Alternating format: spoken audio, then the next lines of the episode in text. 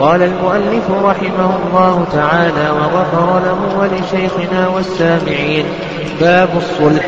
إذا أقر له بدين أو عين فأسقط أو وهب البعض وترك الباقي صح إن لم يكن شرطا ولا يصح ممن لا يصح تبرعه.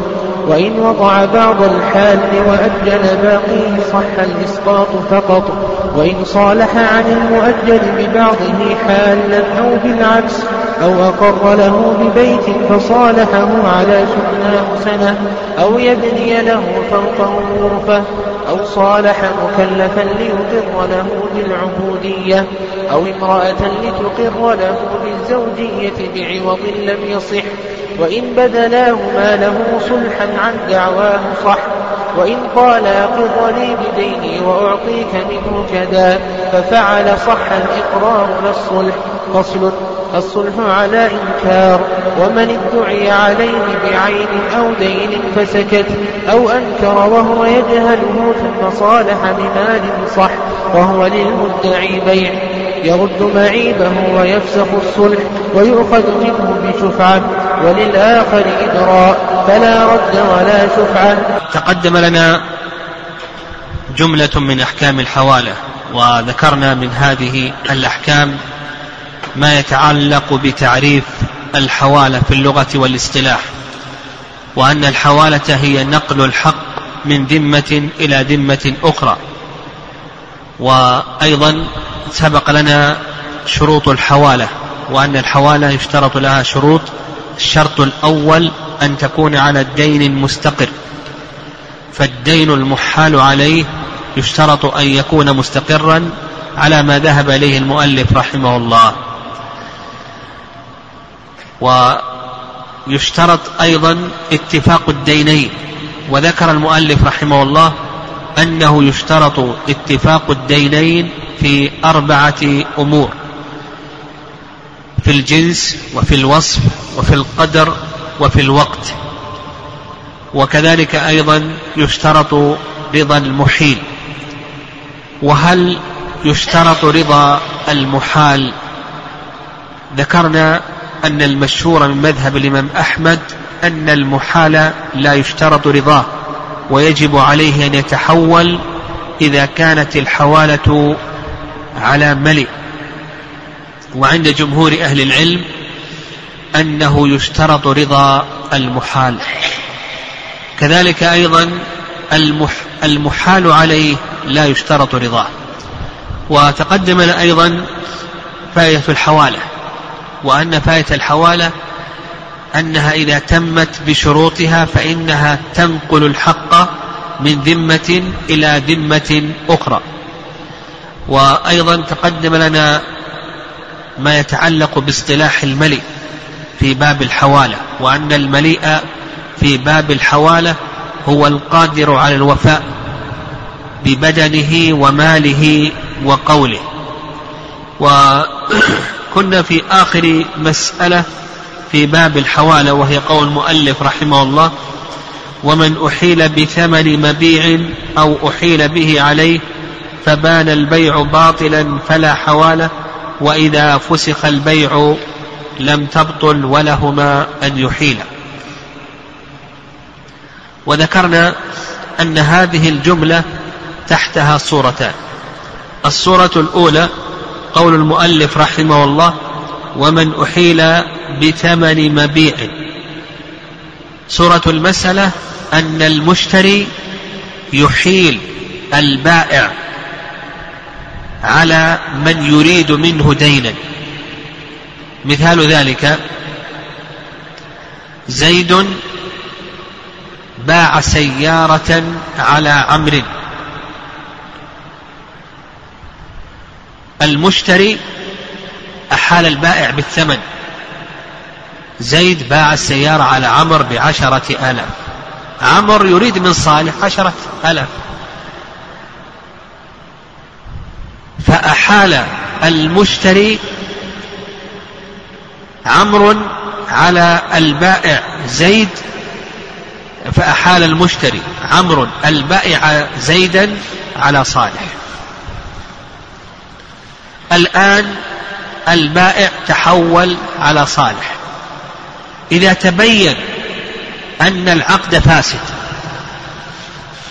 فإن الحوالة فاسدة لأن الحوالة فرع عن العقد. فلو كان العقد فاسدا لاختلال شرط من شروط صحة البيع كأن يكون المثمن مجهولا أو يكون المثمن غير مقدور على تسليمه أو غير ذلك. المهم اختل شرط من شروط صحة البيع.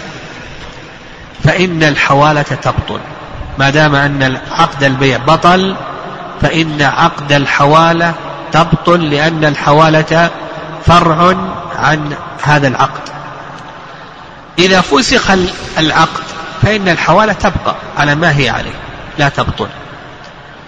ففي هذا ففي هذا المثال عامر المشتري أحال البائع زيدا على صالح. الآن إذا حصل التفاسق بين عمرو وبين زيد فإن المشتري يطالب من بالثمن؟ ها؟ يطالب بالبائع زيدا لأنه سدد له عن طريق الحوالة وإن كان ما أعطاه مباشرة لكن سدد له عن طريق الحوالة فله أن يطالبه. فالحوالة إذا فسخ العقد الحوالة باقية. أصبح زيد الآن يطالب صالحا. عمرو الآن يطالب زيدا الذي باع عليه. فله أن يطالبه بالثمن والحوالة تبقى كما هي. ما نقول بأن الحوالة بطلت وزيد يرجع على عمر لا نقول الحوالة باقية وزيد إنما يرجع على صالح. لأن عقد البيع صحيح وما تفرع عنه من حوالة فهو صحيح إنما فسخ بتراضيهما. لكن قال المؤلف لهما أن يحيلا يعني الآن عمر سيطالب البائع زيدا بالثمن فله أن يحيله على صالح. لأنه, لأنه هو يريد من صالح هذا الثمن. أحاله عليه عمر عمر أحال زيدا.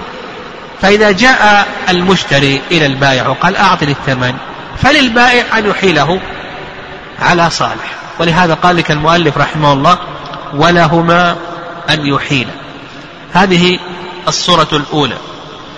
الصورة الثانية قال لك أو أحيل به عليه من أحيل بثمن أو أحيل به عليه. فبان البيع باطلا فلا حوالة. هنا الذي أحال البائع. في الصورة الأولى الذي أحال المشتري. أما هنا فالذي أحال هو البائع. مثال ذلك زيد باع سيارة على عمرو بعشرة آلاف. صالح يريد من زيد دينا. فالبائع زيد أحال صالحا على المشتري. المشتري من هو؟ عمرو. لأن زيدا يريد من عمرو عشرة آلاف. فإذا بان البيع باطلا فإن الحوالة تبطل لما تقدم من التعليل. إذا فسخ العقد بين المتعاقدين بإقالة أو لظهور عيب أو نحو ذلك فإن الحوالة تبقى على ما هي عليه. فالآن صالح يريد من زيد عشرة آلاف فلزي وزيد أحاله على المشتري. عمر. فسخ العقد. الحوالة تبقى على ما هي عليه ولا تبطل وصالح لا يطالب زيدا وإنما يطالب لا يطالب البائع الذي هو زيد وإنما يطالب المشتري الذي هو عمر. لكن لصالح أن يحيل من؟ ها؟ الآن نعم لصالح أن يحيل من؟ يحيل زيد على المشتري. لصالح أن يحيل زيد على المشتري. ولهذا قال لك المؤلف رحمه الله ولهما أن يحيل نعم لا للمشتري. للمشتري الذي هو عمر ولما جاء صالح الآن يطالب المشتري بالدين لأن زيدا أحال صالحا على المشتري. فللمشتري أن يحيل صالحا على البائع. ثم قال المؤلف رحمه الله تعالى باب الصلح. هذا الباب يبحث فيه العلماء رحمهم الله تعالى ما يتعلق بأحكام الصلح وكذلك أيضا يبحثون فيه ما يتعلق بأحكام الجيران. وكذلك أيضا يبحثون فيه ما يتعلق بالمرافق العامة أو يبحثون كثيرا من أحكام المرافق العامة كالطرقات ونحو ذلك. كما أن جملة من المرافق العامة يبحثونها في باب إحياء الموات. فالمرافق, فالمرافق العامة كالطرقات والأودية والأنهار وأماكن البيع والشراء والصيد والاحتطاب إلى آخره يبحث العلماء رحمهم الله جملة منها في باب الصلح ويبحثون جملة أخرى في باب إحياء الموات. أما أحكام الجيران فهذه يبحثها العلماء رحمهم الله تعالى في أحكام الصلح. والعلة في ذلك أن الجيران وخصوصا في الزمن السابق كثيرا ما يحدث بينهم شيء من النزاع والخلاف لأنهم يشتركون في شيء من حقوق الملك. فيقع بينهم شيء من الخلاف والنزاع فيحتاج إلى الإصلاح بينهم. فناسب أن تذكر أحكام الجوار في باب الصلح. الصلح في اللغة قطع المنازعة. وأما في الاصطلاح أما في الاصطلاح فهو معاقدة يتوصل بها إلى إصلاح بين متخاصمين. معاقدة يتوصل بها إلى إصلاح بين متخاصمين والصلح من العقود التي يقصد منها إزالة الخلاف والشقاق بين الناس. ولهذا اغتفر فيها بعض ال...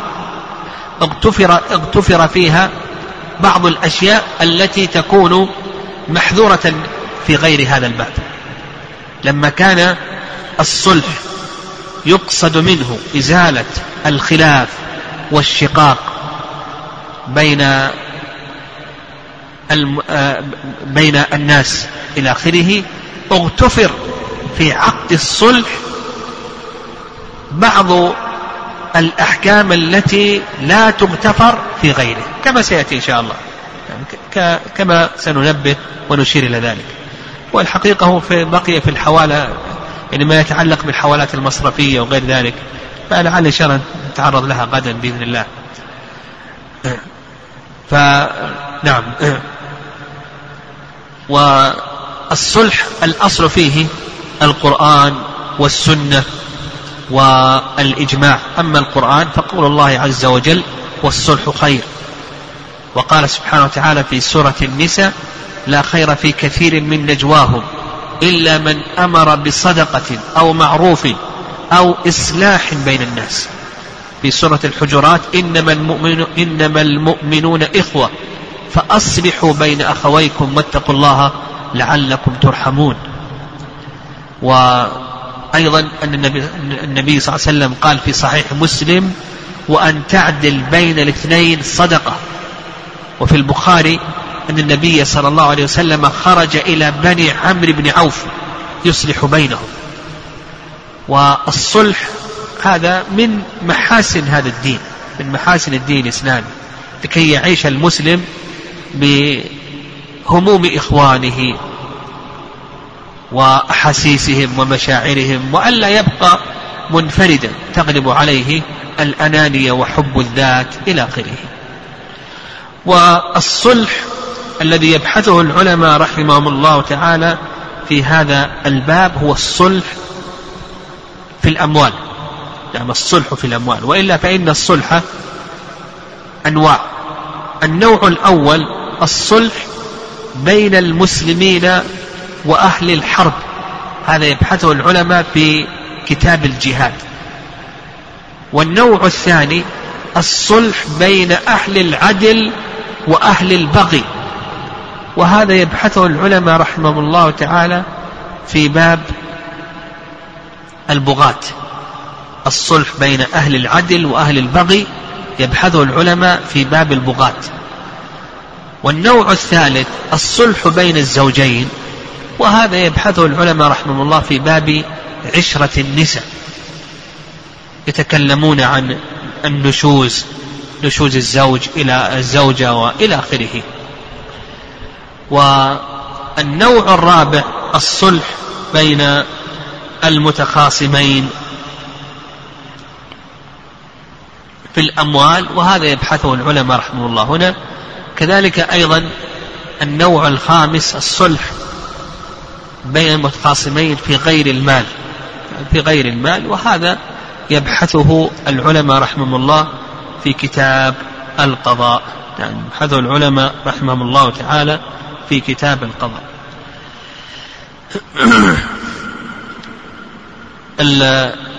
عرض عرض الصلح يعني عرض القاضي مسألة عرض القاضي الصلح بين المتخاصمين هل يشرع للقاضي أن يعرض الصلح أو متى؟ يشرع للقاضي أن يعرض الصلح بين المتخاصمين نقول عرض الصلح بين المتخاصمين. هذا له أحوال. الحال الأولى ألا يتبين للقاضي وجه الحق في المسألة. لا يظهر للقاضي وجه الحق في المسألة. فهنا يشرع له أن يعرض الصلح بين المتخاصمين. الحالة الثانية أن يظهر للقاضي وجه الحق في المسألة وأن الحق مع فلان. لكن لو قضى بهذا الحق أدى ذلك إلى مفسدة. لو قضى بهذا الحق أدى ذلك إلى مفسدة. كأن يكون المتخاصمون ذوي رحم ويترتب على ذلك قطيعة رحم ونحو ذلك أو يترتب على ذلك فتنة. المهم إذا كان هناك مصلحة وإن ظهر للقاضي وجه الحق في المسألة فإنه يشرع له أن يعرض ماذا؟ الصلح. الحالة الثالثة إذا لم يكن شيء من ذلك فإنه لا يجوز القاضي أن يعرض الصلح يعني تبين أن الحق لزيد من الناس وكونه يقضي به لزيد من الناس هذا لا يترتب عليه مفسدة أو فتنة أو نحو ذلك. فنقول هنا يحكم يجب عليه أن يحكم أو أن يبين أن الحق ظهر له أنه لفلان. لا بأس أن يقول بأن ظهر لي أن الحق لفلان إما تصطلحوا وإلا حكمت.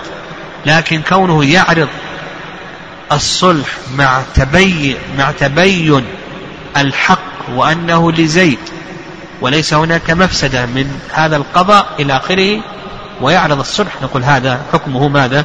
ها؟ نقول غير جائز. طيب. عرض الصلح إذا لم يكن ذلك من قبل القاضي. إذا كان ذلك من شخص مصلح خارج عن القضاء. لا بأس أن يعرض الصلح. ولو أنه تبين له وجه الحق. وليس هناك مفسدة من حكمه. فنقول هنا في هذه الحالة لا بأس أن يعرض الصلح.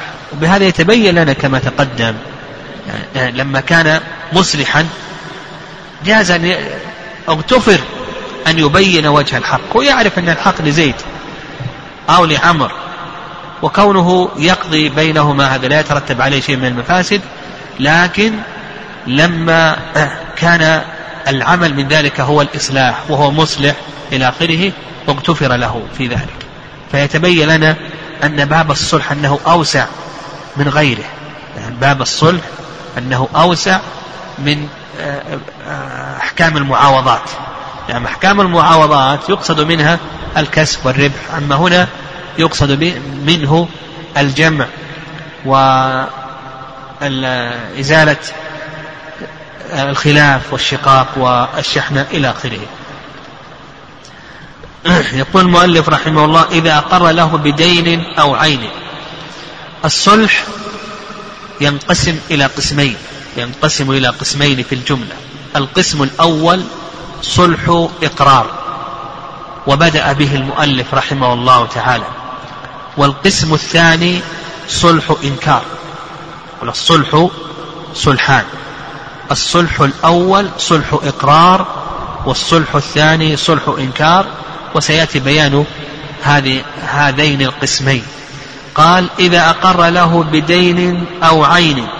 يعني الصلح الإقرار إما أن يكون على دين أيضا صلح الإقرار له صورتان. إما أن يكون على دين وإما أن يكون على ماذا؟ ها؟ على عين. مثاله على دين. ادعى عليه. قال أنا أريد منك عشرة آلاف ريال دينا. فقال أنا أقر أنك تريد مني دينا عشرة آلاف ريال. أنا ما أنكر. أنا أقر أنك تريد مني عشرة آلاف ريال دينا. ومثاله على عين قال أن هذه الأرض التي يدك عليها هي لنا. قال أنا أقر أنها لك. أو قال هذا الكتاب الذي بيدك هذا كتابي. قال أنا أقر أن هذا الكتاب الذي بيدك الذي بيدي هو كتابك ثم يصطلحان. نعم ثم يصطلحان. فالصلح إما أن يكون صلح إقرار وإما أن يكون صلح ماذا؟ صلح إنكار. صلح الإقرار إما أن يكون على دين ها؟ وإما أن يكون على عين.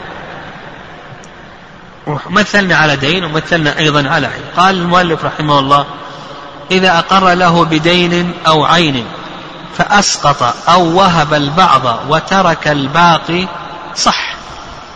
إن لم يكن شرطاه ولا يصح تبرعه. يقول لك المؤلف رحمه الله صلح الإقرار هذا جائز. قال ادع عليه. قال أنا أريد منك عشرة آلاف ريال قرض أو ثمن مبيع أو غير ذلك. أنا أريد منك عشرة آلاف ريال دين. هذا الدين إما أن يكون قرضا أو يكون ثمن مبيع أو يكون قيمة متلف إلى آخره.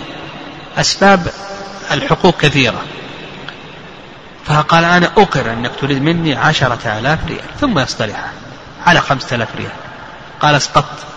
أنا أن أنا أقر أنك تريد مني عشرة آلاف ريال. قال المدعي أعطني ثمانية. أسقطت أنا ألفين. أعطني ثمانية آلاف ريال. ها؟ أو أعطني تسعة آلاف ريال. أسقط. بعض الدين. أو وهب. قال وهبت لك ألف وأعطني تسعة. وش الحكم هنا؟ صحيح. نعم صحيح. بشروط كما سيأتي. أو مثلا ادعى عليه عينا. قال هذه الأرض التي بيدك هذه لنا. قال أنا أقر أنها لكم. ثم بعد ذلك أسقط عنه بعض الأرض. قال أسقطت عنك نصف الأرض. أعطني النصف. أو وهبت لك نصف الأرض أعطني النصف. فيقول المؤلف رحمه الله بأن هذا صلح الإقرار حكمه ماذا؟ ها؟ صحيح. صلح الإقرار حكمه صحيح. لأن الأصل في الصلح الصحة والحل. لعموم قول الله عز وجل والصلح خير. في الحديث وإن كان في ضعف الصلح جائز بين المسلمين إلا صلحا أحل حراما أو حرم حلالا. فالأصل في الصلح صلح الصحة. ولأنه كما ذكرنا أن الصلح يقصد منه ماذا؟ إزالة البغضة والشحنة وهذا مقصود للشارع فيتوسع فيه ما لا يتوسع في غيره. ولهذا التشديد الذي يوجد في باب الصلح هذا فيه نظر. لما التشديد يعني بعض الفقهاء يشدد في باب الصلح هذا فيه نظر. ولا بد أيضا يعني هذه مسألة مهمة لا بد أن الفقيه إلى آخره يكون له نظرة عامة في مقاصد الشريعة يعني أنت أنت الشارع لماذا شرع الصلح هذا؟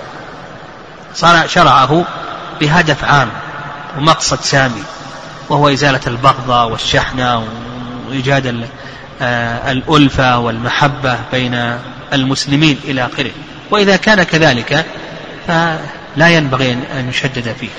نعم. في حدود ما جاء في القرآن وفي السنة. قال لك أو وهب البعض وترك الباقي صح نعم. قال لك إن لم يكن شرطاه. هذا الشرط الأول. يعني الشرط لصحة هذا الصلح يشترط الشرط الأول إذا لم يكن شرطا يعني قال أنا أقر لك بالدين بشرط أنك تسقط عني بعضه. أو أقر لك بهذه العين وأنها لك بشرط أن تسقط عني بعضها أو أن تهبني بعضها. ها وش الحكم هنا؟ يجوز أو لا يجوز؟ هذا لا يجوز. هذا حرام. هذا الشرط حرام. لأنه شرط أحل حراما. يجب عليه أن يقر بحق أخيه المسلم. أو يقر بحق المعصوم. وأما كونه يجعل الإسقاط أو الهبة شرطا في الإقرار نقول بأن هذا لا يجوز. لأنه يجب عليه أن يقر وأن يعطي الناس حقوقهم ولا يحل مال امرئ مسلم إلا بطيبة نفس منه. قال لك ولا يصح تبرعه. هذا الشرط الثاني. لأن هذا نوع من التبرع. فلا بد أن يكون المسقط أو الواهب ممن ماذا؟ ممن يصح تبرعه. تقول لا بد أن يكون ممن يصح تبرعه. بأن يكون بالغا عاقلا حرا رشيدا مالكا. وعلى هذا إذا كان لا يصح تبرعه ما يصح إسقاطه. لأن هذا نوع من الإسقاط نوع من الهبة. فمثلا لو ادعى على مجنون قال أنا أريد منك عشرة آلاف ريال. والمجنون أو المجنون ادعى ادعى على عاقل أنه يريد منه عشرة آلاف ريال. فقال العاقل نعم أنا أقر. نعم أقر. فقال المجنون أسقطت عنك ألفين. هل يصح الإسقاط هذا؟ أو قال الرقيق أسقطت. أو الصبي إلى آخره. أو السفيه الذي لا يحسن التصرف في ماله. نقول هذا لا يصح. فذكر المؤلف رحمه الله شرطين. هناك شرط ثالث ما ذكره المؤلف رحمه الله تعالى وهو ألا يكون ذلك بلفظ الصلح. يعني هم يشترطون نعم ألا يكون ذلك بلفظ الصلح. فإن وقع بلفظ الصلح قالوا بأنه لا يصح لأنه صالح عن بعض ماله ببعضه. والرأي الثاني أن هذا أنه حتى لو كان بلفظ الصلح لأن المقصود هو ماذا؟ ها؟ المعاني. العبرة بالمعاني وليست العبرة بالألفاظ والمباني. سواء كان وقع ذلك بلفظ الصلح أو بلفظ الهبة أو بلفظ الإسقاط نقول بأن هذا كله جائز. نعم. فأصبح عندنا هذا الصلح اشترط له ثلاث شروط لكن ذكرنا أن الاشتراط المشهور عند الحنابلة ألا يكون ذلك بلفظ الصلح أن يكون بلفظ الإسقاط أو الهبة أو التبرع أو نحو ذلك. نقول العبرة نعم بالمعاني وليس بالألفاظ والمباني. قال المؤلف رحمه الله تعالى وإن وضع بعض الدين الحال وأجل باقيه صح الإسقاط فقط. إذا وضع بعض الدين الحال. هذا زيد صورة المسألة. زيد يريد من عمرو دينا قدره عشرة آلاف. حل الدين جاء إليه. قال أعطني الدين. أنا أريد منك عشرة آلاف ريال. قال أنا ما عندي إلا خمسة. ما عندي إلا سبعة. سبعة آلاف.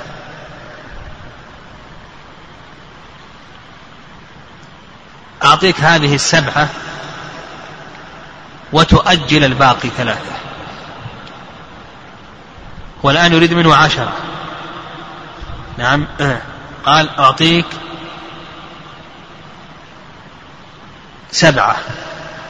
وتؤجل ألفين. نعم. وألف تسقطه. فاتفق على ذلك. لم يكن شرطا. أسقط بعض الدين هو الدين عشرة أسقط بعضه وأجل البعض الآخر. أخذ سبعة وأسقط ألفين وأجل ألفا بعد شهر. فيقول لك المؤلف رحمه الله تعالى صح الإسقاط. طيب التأجيل يصح ولا ما يصح؟ ها؟ يقول لك لا يصح التأجيل. لماذا؟ زين صح. المذهب يرون أن الدين لا يتأجل بالتأجيل. الدين يرون أنه لا يتأجل بالتأجيل. فيقولون يصح أسقط ألفين صح. أما كونه أجل الألف الثالثة فيقول لا يصح. كما تقدم تقدمت لنا هذه المسألة. والرأي الثاني في هذه المسألة نعم الرأي الثاني في هذه المسألة رأي الحنفية والمالكية أنه يصح الإسقاط والتأجيل. يصح الإسقاط والتأجيل لأن الأصل في العموم في الأصل في الصلح الصحة والحل.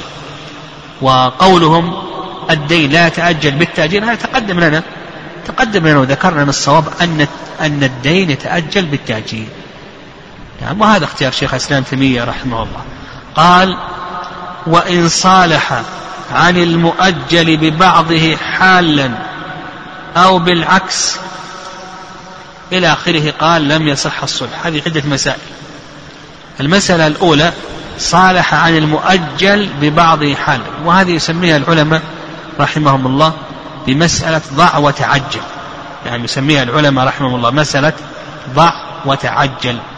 صالح عن المؤجل ببعضه حالا. يريد منه عشرة آلاف ريال مؤجلة إلى سنة. ثمن مبيع. ثمن المبيع يتأجل بالتأجيل. يعني ليست كل ليست كل الديون لا تتأجل بالتأجيل. ثمن المبيع يتأجل بالتأجيل. قال البائع للمشتري. الثمن يحل بعد سنة. وهو خمسة آلاف ريال. عجل الثمن الآن. أعطني إياه. لكونه مثلا محتاجا. وأسقط عنك الفين. أعطني الآن ثمانية. أعطني الآن ثمانية آلاف ريال. الثمن يحل بعد سنة قدره عشرة آلاف. قال أعطني ثمانية حالها الآن وأسقط عنك ألفين. هل يصح ذلك؟ أو لا يصح؟ المشهور من مذهب الإمام أحمد رحمه الله أنه لا يصح وهذا قول جمهور العلماء قول جمهور العلماء أنه لا يصح. وما هي العلة في ذلك؟ يقولون لأنه لا يصح بيع هذا من قبيل بيع الحلول والأجل ولا يصح بيع الحلول والأجل. يعني كأنه اشترى الأجل هذا اشتراه بالفين كأنه الآن اشترى الأجل هذا بالفين فيقولون بيع الحلول والأجل هذا لا يصح. والرأي الثاني نعم الرأي الثاني وأيضا يقولون هناك علة أخرى يقولون كما أنه لا يجوز أن يؤخر ويزيد. كذلك أيضا لا يجوز أن يعجل وينقص. كما أنه لا يجوز أن يؤخر ويزيد كذلك أيضا لا يجوز أن يقدم وماذا؟ وينقص. طيب والرأي الثاني من الرأي الثاني وهو الإمام أحمد رحمه الله واختاره شيخ الإسلام أن هذا جائز ولا بأس به. كما ذكر ابن القيم رحمه الله أن هذا عكس الربا. لأن الربا تؤخر وتزيد لكن هنا تعجل وتسقط. وهذا أيضا مما يدل لذلك أنه وارد عن ابن عباس رضي الله تعالى عنهما. وأيضا فيه فائدة لكل من الدائن والمدين. المدين تبرأ ذمته ويسقط يسقط عنه بعض الدين. والدائن يتعجل حقه لأنه قد يكون محتاجا إلى هذا. المال. فالدائن يتعجل حقه والمدين له فائدتان. إبراء ذمته وماذا؟ إبراء ذمته وكذلك أيضا يسقط عنه بعض الحق. فالصحيح في ذلك أن هذه جائزة ولا بأس بها.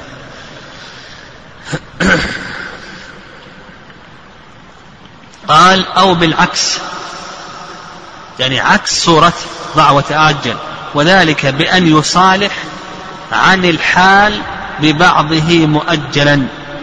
يقول لك المؤلف رحمه الله تعالى لا يصح. يصالح عن الحال ببعضه مؤجلا.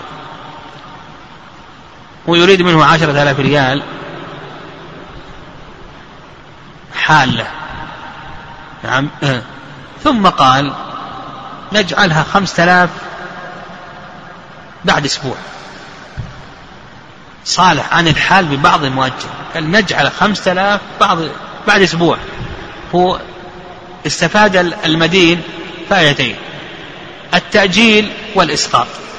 فيقول لك المؤلف رحمه الله لا يصح. والمذهب أنه يصح بشرط ألا يكون بلفظ الصلح. نعم لكن إن كان يعني المذهب يقول إن كان بلفظ الإبرة ونحو ذلك يصح الإسقاط لكن التأجيل ما يصح. واضح؟ المذهب يعني ظاهر كلام المؤلف يخالف المذهب. لأن المذهب يرون أن أنه إذا صالح عن الحال ببعضه مؤجلا أن هذا يصح. لكن بشرط ماذا؟ ها؟ بشرط ألا يكون بلفظ الصلح والصحيح أن هذا ليس شرطا. ويقولون يصح الإسقاط أما التأجيل فيرون أنه لا يصح. لماذا؟ لأنهم يرون ماذا؟ أن الدين لا يتأجل بالتأجيل. وذكرنا الصحيح أن الدين يتأجل بالتأجيل. وعلى هذا الصواب في هذه المسألة أنه يصح الإسقاط ويصح التأجيل. فلو قال مثلا أنا أريد أريد منك عشرة آلاف ريال أعطني إياها. فاتفق على أن تصير خمسة بعد أسبوع. بعض الناس قد يكون فقير ما عنده شيء. يذهب يسعى ويبحث إلى آخره. قال أعطني خمسة بعد أسبوع. واضح؟ المذهب يصح الإسقاط وأما التأجيل فلا يصح ويشترطون ألا يكون بلفظ ماذا؟ الصلح. والصحيح في ذلك كما سبق أنه يصح التأجيل ويصح الإسقاط وسواء كان ذلك بلفظ الصلح أو الإبراء أو التبرع أو غير ذلك من الألفاظ قال أو أقر له ببيت فصالحه على سكناه. يعني قال أنا أقر البيت هذا لك. فالمدعي قال تسكن لمدة سنة. تسكنه لمدة سنة. قال أنا أقر. وتصالح على أن يسكن المدة عليه لمدة سنة في هذا البيت. يقول لك المؤلف رحمه الله لا يصح. المؤلف رحمه الله تعالى يقول لك لا يصح لأنه صالح عن ملكه يعني صالح عن ملكه. والصحيح في ذلك أن هذا صحيح وجائز ولا بأس به لأنه كما تقدم لنا أن الأصل في الصلح الصحة والحل. أو أن يبني له فوقه غرفة أو دور مثلا يبني له دور فوق قال أنا أصح أن أنا أقر أن هذا البيت لك لكن ابني لي فوق, فوق غرفة أو دورا أو نحو ذلك أو غرفتين صح ذلك. يقول لك المؤلف لا يصح. المؤلف رحمه الله لما تقدم من التعليل والصواب أن هذا صحيح. إلا إذا كان ذلك ماذا؟ ها؟ شرطا. إذا كان قال أنا ما أقر أن هذا البيت لك حتى أسكن لمدة سنة أو لا أقر أن هذا البيت لك حتى تبني لي فيه غرفة أو دورا أو, أو تعطيني غرفة منه. يقول هذا لا يصح. أو صالح مكلفا ليقر له بالعبودية. وهذه المسائل يعني آه وإن كان يعني قد نتصور أنها غير موجودة الآن لكنها موجودة الآن. موجودة الآن. يعني آه قد يريد أنه يأخذ مال من بيت المال من الحكومة ويأتي بامرأة بطاقة امرأة تدعي أنها زوجة له نحو ذلك لكي يعطيها آه، لكي يأخذ يستفيد ويعطيها كذا يتشارطان مثلا يتشارطان أو يأتي برجل على أنه عامل عنده لكي يستفيد ويتشارطان. كل هذا الصلح هذا محرم ولا يجوز وهو من الصلح لأنه مبني على الكذب. من الصلح الذي يحل حراما. من الصلح الذي يحل حراما. فيأتي بامرأة مثلا بعض الجهات تشترط لكي تأخذ سكنا أو تأخذ مثلا مرتبا زائدا إلى آخره أنك تأتي بوثيقة أنك متزوج. ويرى يأتي بوثيقة كذب. هذا هذا هو كلام المؤلف رحمه الله. يأتي بعقد نكاح كذب لكي يأخذ هذا المرتب على أنه متزوج. أو مثلا أنه يعمل في هذا البلد. اشترط أنه موظف. لابد لكي يتوظف في هذا البلد أنه ساكن في هذا البلد. ثم يأتي بوث كل هذه من الصلح الذي ذكرها المؤلف رحمه الله. فنقول بأن هذا نقول بأنه غير جائز. بعوض لم يصح. وإن بذلاهما له صلحا عن دعواه صح. يعني وإن بذلاهما له صلحا عن دعواه صح. يعني رجل ادعى على امرأة أنها زوجته وهي ليست زوجة له فبذلت له عوض. قالت هذه ألف ريال واترك هذه الدعوة. أو رجل ادعى على رجل أنه رقيقه وهو ليس رقيقا له فقال هذا الرقيق خذ هذه الألف واترك الدعوة إلى آخره. فيقول لك المؤلف رحمه الله بأن هذا صحيح نعم هذا صحيح. ولا يجوز له إذا كان كاذبا في دعواه لا يجوز له أن يأخذ هذا العوض لأن هذا من قبيل الاستنقاذ فهو لا يتمكن أن يستنقذ نفسه من لا يتمكن يستنقذ نفسه من هذه الدعوة أنها زوجة أو أنه آه، رقيق إلا بهذا العوض. قال وإن قال أقر لي بديني وأعطيك منه كذا ففعل صح الإقرار للصلح. أي ظاهر المسألة وسبقت. لو قال أقر أني أريد منك دينا كذا وكذا وهو يريد منه هذا الدين. فأقر على أن يعطيه النصف أو الربع إلى آخره. يقول لك المؤلف رحمه الله صح الإقرار لأن الإقرار يطابق الواقع. والإسقاط لا يصح لأنه يجب عليه أن يقر وكونه يشترط أن يسقط عنه مقابل الإقرار هذا شرط محرم. لأنه من أكل أموال الناس بالباطل. قال رحمه الله تعالى فصل. طيب بقينا في مسألة يعني قبل أن ننتقل للقسم الثاني من صلح صلح الإنكار قبل أن من قسم الصلح صلح الإنكار. إذا أقر له بدين أو عين فأسقط أو وهب كما تقدم لنا هذا جائز بالشروط الثلاثة السابقة إلى آخره طيب إذا صالحه على عين أخرى إذا صالحه على عين أخرى فإنه ينتقل إلى حكم ماذا؟ ها؟ إلى حكم البيع نعم ينتقل إلى حكم البيع. مثلا ادى عليه. قال أنا أريد منك دينا قدره عشرة آلاف. قال نعم أنا أقر أنك تريد مني دينا قدره عشرة آلاف. لكن خذ هذه السيارة مقابل الدين. ها؟ وش الحكم هنا؟ أصبح الآن حكم حكم ماذا؟ حكم البيع لأن البيع مبادلة مال بمال. يعني فتثبت له أحكام البيع. أو مثلا قال ادى عليه. قال أنا أريد منك هذه الأرض. قال نعم أنا أقر أن هذه الأرض لك لكن أعطيك بدلا عنها المزرعة الفلانية والأرض الفلانية. واتفق على ذلك. ها نقول هذا حكمه ماذا؟ حكم ماذا؟ حكم البيع. لأنه الآن أصبح مبادلة مال بمال وهذا هو البيع. قال فصل. ومن ادعي عليه بعين أو دين فسكت أو أنكر وهو يجهله ثم صالح بمال صح. ثم صالح بمال صح.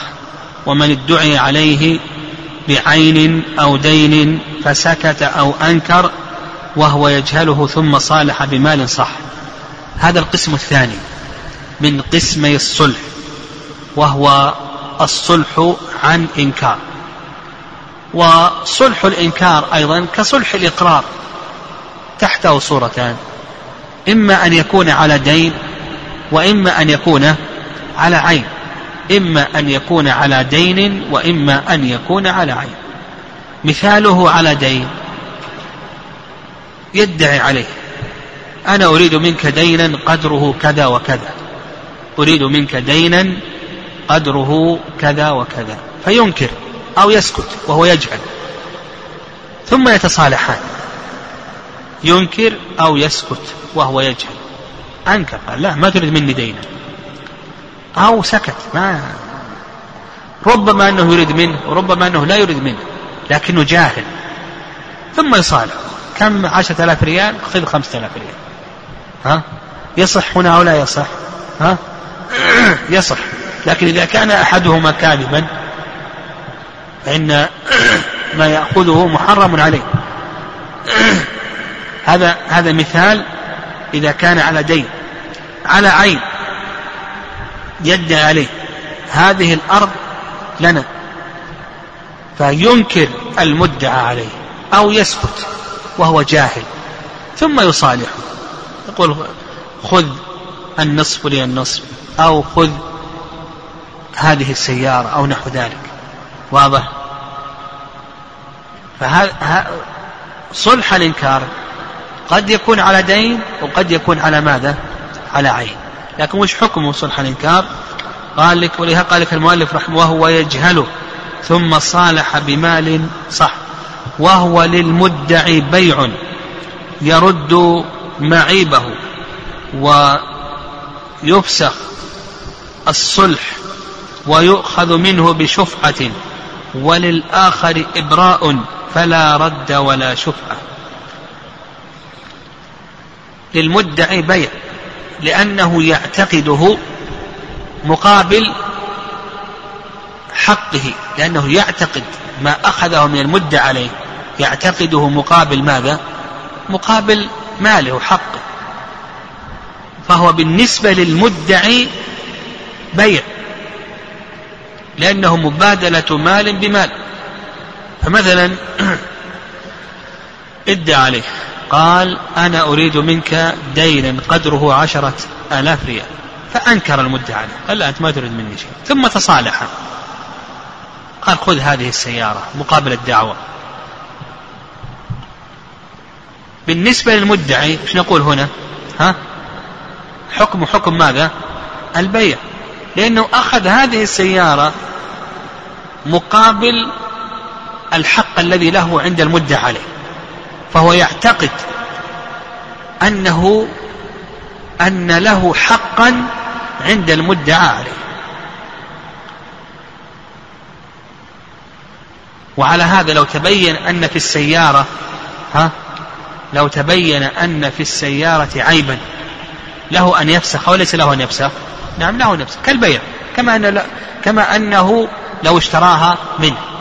ولهذا قال لك المؤلف رحمه الله وهو للمدعي بيع. يرد معيبة. يتبين أن الذي أخذه مقابل ما ادعاه معيبا فله أن يرد هذا المعيب. ويفسخ الصلح ويؤخذ منه بشفعة. يؤخذ منه بشفعة. والصورة ذلك صورة ذلك أنها زيد ادعى لعمر قال أنا أريد منك عشرة آلاف ريال. قال قال لا ما تريد مني عشرة آلاف ريال. لا تريد مني عشرة آلاف ريال. أنكر المدعي أو سكت وهو جاهل. سكت وهو يجهل. ثم بعد ذلك تصالح. قال أنا شريك مع فلان في أرض. خذ نصيبي من هذه الأرض. الآن المدعي أخذ ماذا؟ ها؟ نصيب المدعي عليه من هذه الأرض. للشريك أن يشفع المدعي كأنه اشتراها.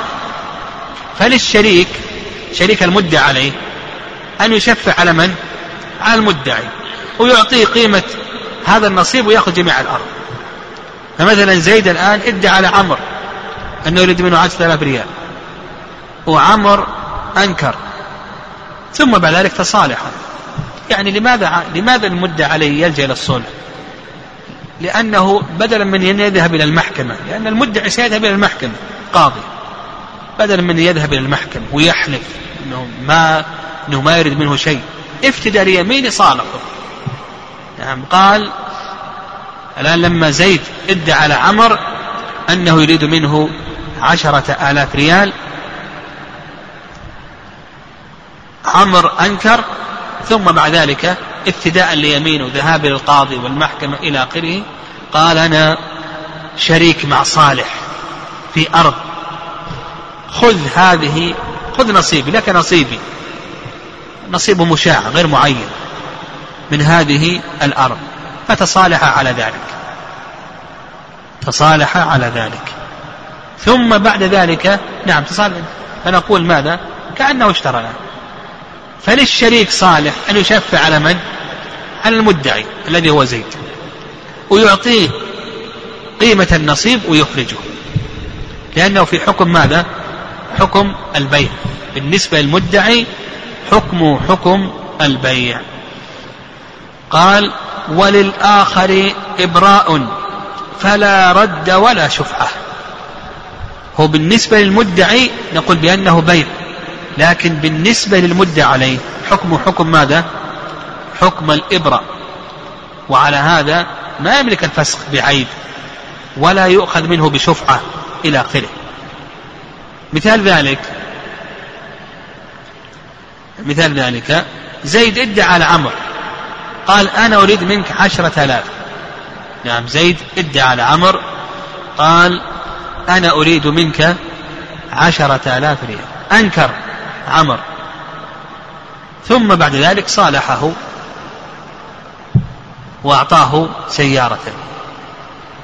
لو أن عمرا المدة عليه قال فسخت. هل يملك الفسخ ولا ما يملك؟ ها؟ ما يملك الفسخ. المدعي له أن يفسخ. له خيار المجلس مثلا له لأنه في حقه بيع. لكن المدعى عليه ها؟ ابرأ لو قال أنا فسخت ها؟ ما يملك. أو مثلا ادعى عليه قال أنا الكتاب هذا أنا أريده. هذا لي. أنكر. ثم صالحه على نعطيه مثلا عشرة ريالات. ثم وجد المدة عليه في الكتاب عيب وقال فسخت. ها؟ يملك ذلك ولا ما يملك؟ نقول لا يملك. لأن الصلح بالنسبة للمدة عليه ماذا؟ ها؟ إبراء. نعم المدة عليه. آه آه. نقف على هذا. آه أو بالنسبة يا أخوان